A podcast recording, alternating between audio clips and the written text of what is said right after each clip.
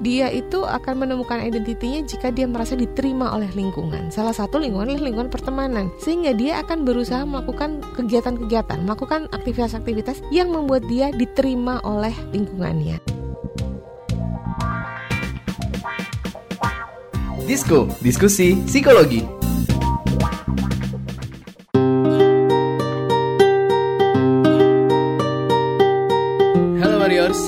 Lagi sama gue Kevin di podcast Disko, diskusi psikologi persembahan Into the Light Indonesia. Hapus stigma, peduli sesama, sayangi jiwa.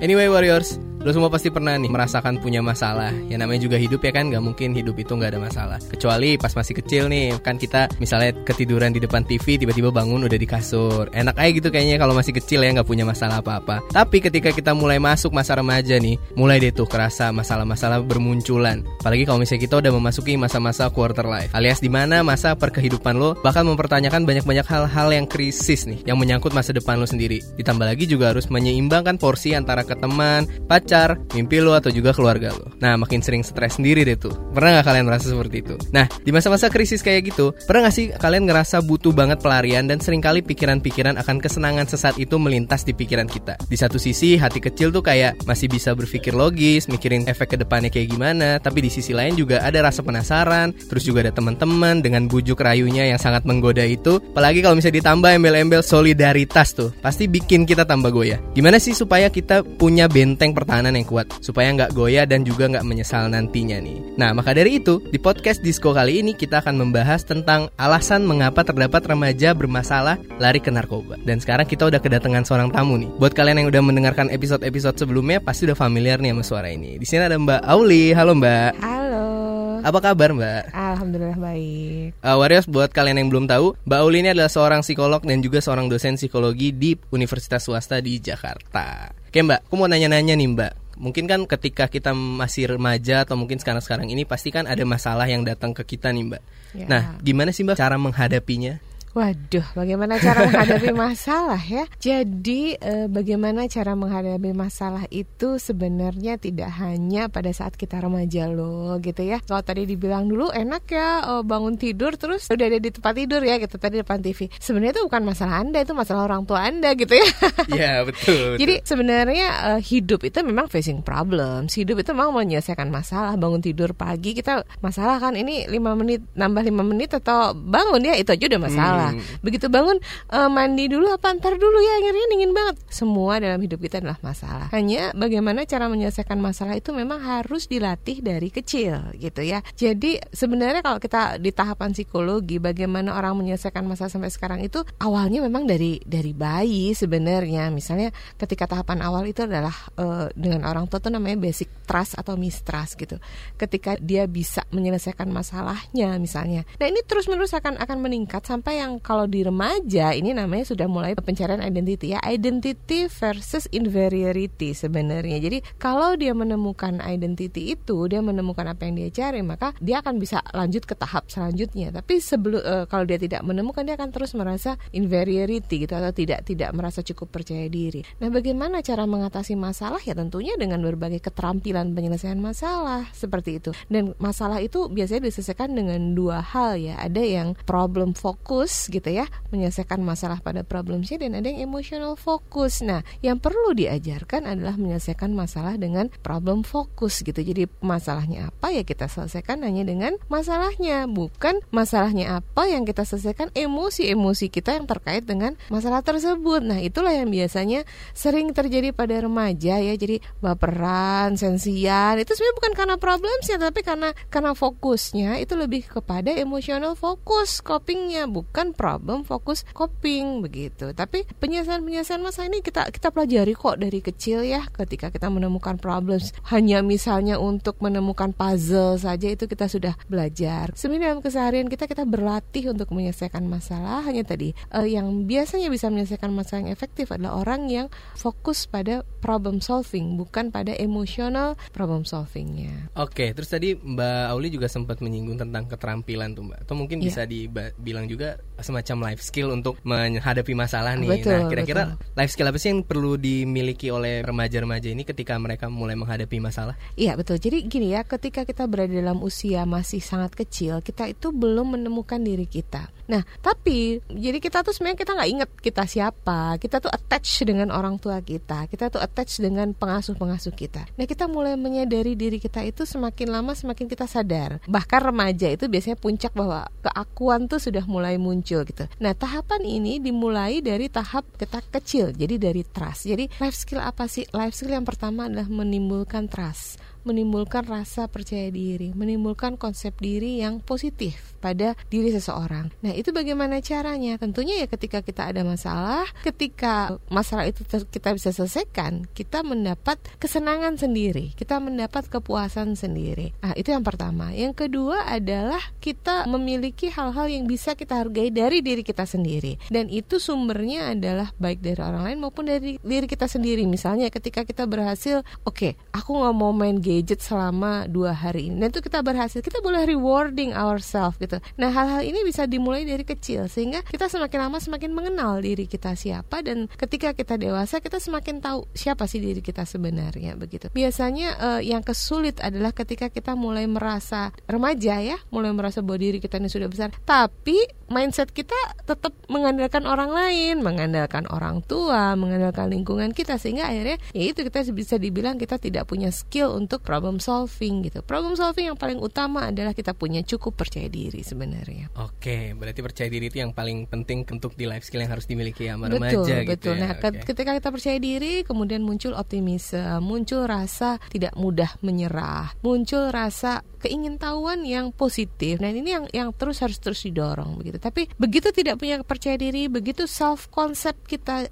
buruk ya kita merasa kita nakal kita anak yang tidak disayangi nah itu semua akan menjadi uh, buyar. ya buyar gitu ya tapi jadi yang per, paling pertama yang perlu ditekankan adalah kepercayaan diri dan itu didapat dari uh, penanaman trust tadi oke terus uh, kalau misalnya mungkin remaja-remaja ini punya life skill yang tadi Mbak Uli sebutin nih Mbak tapi kan tadi di awal aku sempat ngebahas tentang pertemanannya betul, mungkin betul. ada ngebahas tentang solidaritas betul. atau mungkin godaan-godaan teman nah kenapa sih Mbak remaja itu lebih gampang terpengaruh oleh lingkungan pertemanannya? Iya, karena memang tahapan perkembangannya begitu ya. Jadi ketika kecil kita sangat tergantung oleh orang tua kita ya, oleh pengasuh kita. Kemudian yang kita kenal lingkup yang paling kecil adalah keluarga. Dan ketika remaja ini lingkup kita menjadi semakin luas, begitu. Dan salah satu tuntutannya tadi adalah menemukan identity ya, menemukan identity versus inferiority. Sebenarnya kalau berhasil kita ketemu identity, kalau tidak berhasil kita ketemu inferiority. Nah, identity ini dibangun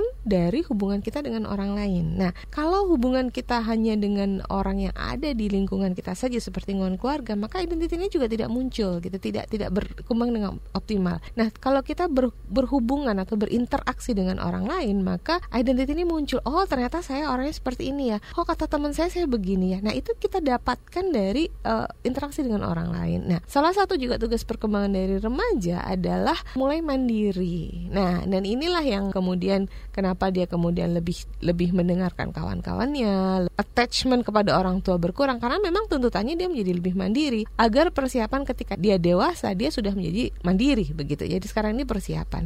Nah, di remaja ini uh, konformitas ini sangat penting. Jadi penerimaan identity tadi ya, dia itu akan menemukan identitinya jika dia merasa diterima oleh lingkungan. Salah satu lingkungan adalah lingkungan pertemanan. Sehingga dia akan berusaha melakukan kegiatan-kegiatan, melakukan aktivitas-aktivitas yang membuat dia diterima oleh lingkungannya. Jadi bagaimana Bagaimana caranya? Caranya adalah mengikuti atau confirm dengan norma kelompok. Kalau norma kelompoknya adalah anak baik-baik, ya dia akan ikut seperti itu. Tapi kalau temennya ini yang yang ya yuk kita coba ini yuk coba itu, ya dia juga akan ikut seperti itu. Karena kenapa? Karena dia ingin diterima oleh kelompok tersebut gitu. Dan penerimaan ini menjadi salah satu proses identifikasi dirinya tadi. Jadi buat remaja itu konformitas itu adalah salah satu cara untuk mencari jati dirinya dia. Oke. Nah, terus Mbak, mungkin dari lingkungan-lingkungan pertemanan itu udah pasti banyak banget pemberitahuan tentang bahayanya narkoba dan lain-lainnya nih. Dan sering kali mungkin remaja-remaja yang bermasalah ini ujung-ujungnya larinya tadi nyoba-nyoba apa, nyoba-nyoba apa, akhirnya nyoba-nyoba narkoba.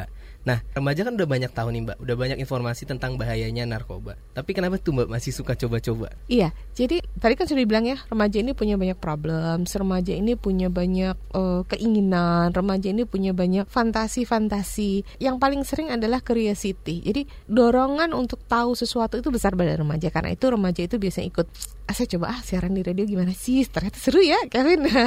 Saya coba uh, gimana sih rasanya kalau balap motor tuh kayaknya asik ya. Nah itu semua dicoba. Jadi itu itu memang uh, di saat inilah mereka sebenarnya itu tadi identifikasi diri menemukan dia siapa.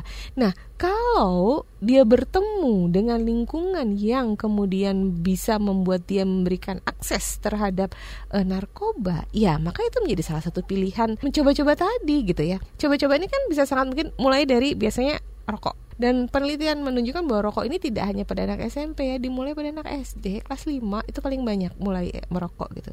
Kevin nggak akan tapi ya. kelas 5 SD itu sudah mulai mencoba. Kenapa? Karena teman tadi gitu. Karena uh, curiosity ini sangat tinggi pada anak-anak. Kenapa? Uh, pada anak remaja. Kenapa? Karena tadi mengidentifikasi saya cocok nggak sih di sini? Kayak yang menarik, cocok nggak sih buat saya? Makanya itu kalau kalau di SMP tuh ekskul kan ya ekskul tiga kali habis itu berhenti. Ya itulah karena mereka memang sedang mencari sebenarnya dia ini yang yang paling seneng di mana sih? Nah salah satunya adalah itu tadi ketika berkumpul atau berteman dengan teman-teman yang memang punya akses kepada hal-hal yang terlarang termasuk narkoba ya dia juga akan mengikuti hal tersebut tidak lagi memandang norma ini boleh atau tidak itu lebih dikesampingkan karena dia akan lebih menomorsatukan konformitas, akan lebih menomorsatukan penerimaan atas kelompoknya tadi. Kalau teman-teman make, masa ya gue nggak nggak make, nanti kan gue nggak diterima di kelompok ini. Nah, lebih kepada hal tersebut. Sehingga tadi yang penting adalah di mana dia berada, dengan kelompok apa dia berada. Itu jauh lebih penting gitu. Kalau dia berada pada kelompok yang clean ya nggak akan kepikiran ke sana. Tapi kalau dia di dalam kelompoknya ada yang memang punya akses, itu kan jauh lebih mudah begitu. Oke Mbak, uh, sekarang ada pertanyaan dari Warriors nih Mbak. Yang pertama, bagaimana cara berkomunikasi yang efektif terhadap remaja dalam menyampaikan bahaya narkoba? Iya ya, uh, remaja sekarang ini memang unik ya ah millennials gitu ya. Salah satu ciri millennials adalah instan ya. Jadi uh, suka sesuatu yang cepat suka sesuatu yang tidak terlalu mendalam ya yang perifer perifer aja gitu ya dan langsung dirasakan hasilnya. Itu itu itu ciri-ciri uh, millennials. Jadi kalau kita bikin seminar duduk mendengarkan gitu pasti insya Allah nggak efektif.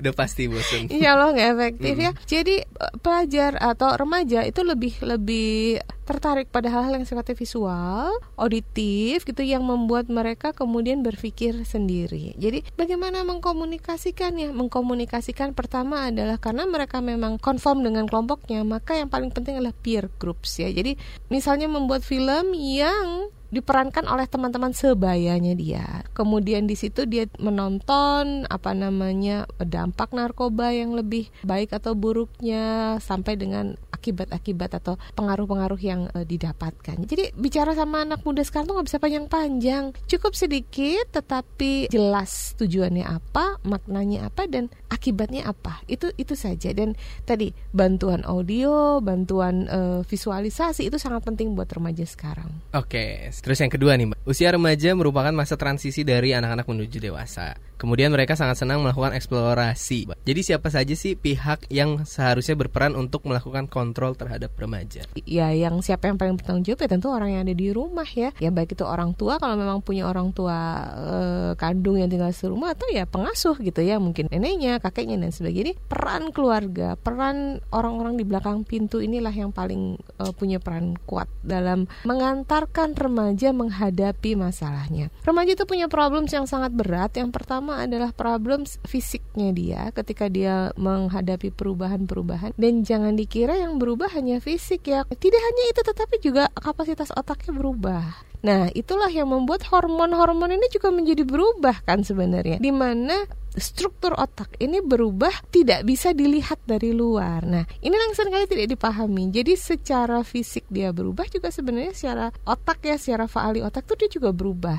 Nah, inilah yang sering kali membuat remaja ini sering membuat keputusan dengan tidak tepat.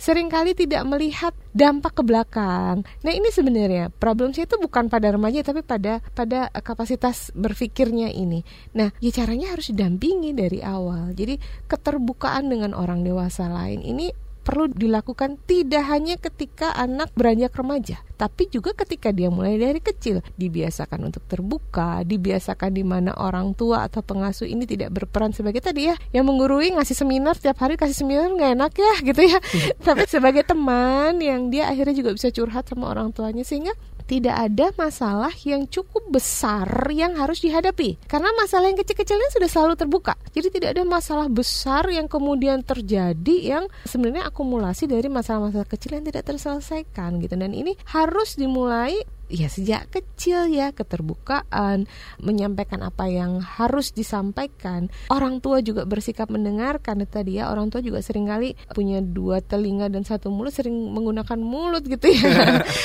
Anaknya sebenarnya cuma ingin didengar kok gitu ya apalagi ketika dia beranjak remaja. Kalau tiba-tiba kita sebagai orang tua meminta anak sudah mau remaja tiba-tiba. Sekarang kamu masih terbuka ya sama ibu. Ya bingung anaknya gimana ya Betul. caranya terbuka. Itu harus dimulai dari awal gitu. Jadi peran keluarga ini sangat penting dan itu tidak instan. Itu dimulai dari dia kecil kemudian setiap problems itu bisa dibicarakan dan anak harus tahu bahwa keluarga adalah tempat untuk you can turn on to gitu ya. Keluarga adalah tempat di mana kita akan kembali. Keluarga adalah tempat tempat di mana kita bisa mengandalkan begitu. Jadi yang diandalkan bukan teman, bukan e, narkoba, bukan orang lain tetapi keluarga. Kapan pun punya problems kembalilah ke keluarga, kembalilah ke orang tua ya tapi anak pasti juga akan melihat ya orang tua seperti apa yang kira-kira nah itu karena itu jadi peran orang tua tuh nggak nggak mudah gitu ya dan itu harus dibangun sejak kecil bahwa anak-anak anak ini percaya bahwa orang tuanya punya trust bahwa orang tuanya juga bisa menyelesaikan problemsnya gitu dengan seperti itu anak tidak akan terjebak pada problems yang besar yang akhirnya membuat dia lari kepada hal-hal yang uh, tidak seharusnya oke okay. Warriors itu tadi obrolan kita membahas tentang alasan mengapa terdapat remaja bermasalah lari ke narkoba. Seperti yang tadi Mbak Uli bilang ternyata lingkungan pertemanan itu sangat berpengaruh. Yes. Terus juga mungkin uh, dari diri sendiri karena mencari jati diri, mungkin harus mencari ke tempat-tempat yang lebih baik. Juga tadi disebut juga peran orang tua sedari kecil yang mungkin melatih keterbukaan anaknya sehingga ketika mendapatkan masalah yang lebih besar akan terbuka kepada orang tuanya gitu yeah. ya iya. mbak bener gak mbak kira-kira yeah, oke terima kasih banyak nih mbak Auli udah sharing-sharing pengalaman juga pengetahuannya kepada kita juga nih semoga bisa bermanfaat dengan baik. Nah, buat kalian-kalian yang masih penasaran seputar gimana cara mencegah narkoba, bisa langsung cek aja di website cegahnarkoba.bnn.go.id. Dan terima kasih juga buat lo semua yang udah mendownload dan mendengarkan podcast ini. Dengan mendengarkan podcast ini, semoga kita bisa membantu menghapus stigma di masyarakat, lebih peduli terhadap orang-orang di lingkungan sekitar, dan tentunya jangan lupa untuk selalu menyayangi jiwa sendiri. Sampai ketemu lagi di podcast episode selanjutnya. Dengarkan di kbrprime.id. Gue Kevin, pamit undur diri. Don't forget to be happy and live to the fullest. Bye-bye. Disko, diskusi psikologi.